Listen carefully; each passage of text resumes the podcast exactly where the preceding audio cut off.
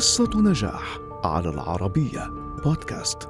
بمعطف مختبر أزرق وبربطة عنق أنيقة يستكشف العلوم يجرب يصنع ويوعي ليقفز من وراء الشاشات ويتنقل بين الفصول المدرسية ويدخل البيوت.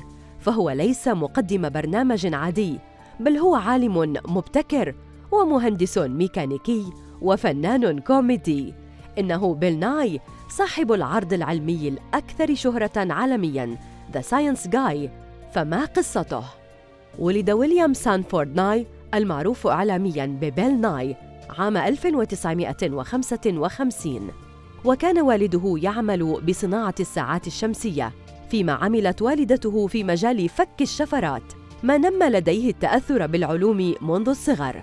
درس بيل في واشنطن وحصل على شهادة في الهندسة الميكانيكية من جامعة كورنيل ليبدأ مسيرته المهنية بمجاله في شركة بوينغ المتخصصة بصناعة الطائرات. كما طور مثبط الرنين الذي تم استخدامه في طائرة بوينغ 747 حتى ذلك الوقت كان لا يزال ويليام سانفورد المهندس الذي طمح ليصبح رائد فضاء. لكن جميع محاولات تقديمه لوكالة ناسا باءت بالفشل ليجد مكانا لنفسه في ساحة الكوميديا.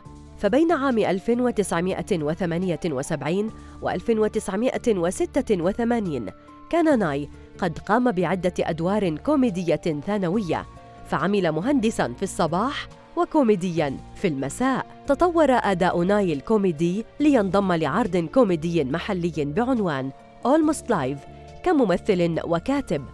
وأثناء ظهوره على الشاشة تميز بلغته العلمية.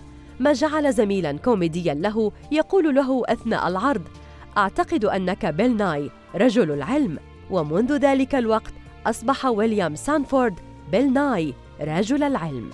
بعد فترة وجيزة حصل ناي على فرصة في استضافة البرنامج التلفزيوني التعليمي فابيولوس ويتلاندز وظهر كرجل يدافع عن البيئة ضد التلوث والاعتداءات البشرية.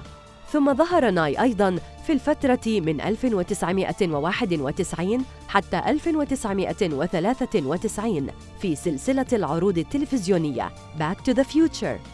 في الحقيقة كانت هذه التجربة بداية لشهرة بيل ولكن التجربة الأهم كانت مع تلقيه عرضاً خاصاً به لإنتاج برنامج بيل ناي The Science Guy. الذي تم بثه من عام 1993 حتى عام 1998 كتب بيل حلقاته بنفسه وقدم صورته كمعلم علم مضحك وهو ما سمح له بالوصول لشريحة جمهور واسعة.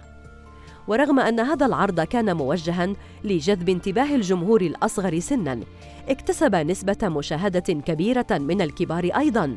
بل واستخدمت مقاطعه المصورة كوسيلة تعليمية فعالة لفصول العلوم المدرسية. بعد نجاحه في The Science Guy، ظهر ناي في عروض تلفزيونية أخرى كفيلم ديزني The Principal Takes a Holiday وكخبير تقني في مسلسل الروبوتات التلفزيوني BattleBots كما استضاف سلسلة العلوم 100 Greatest Discoveries والمسلسل العلمي The Eyes of Nye وغيرهما في عام 2017 أطلق ناي عرضاً على نتفليكس بعنوان بيل ناي Saves the World حيث يناقش موضوعات علمية تؤثر على الحياة اليومية.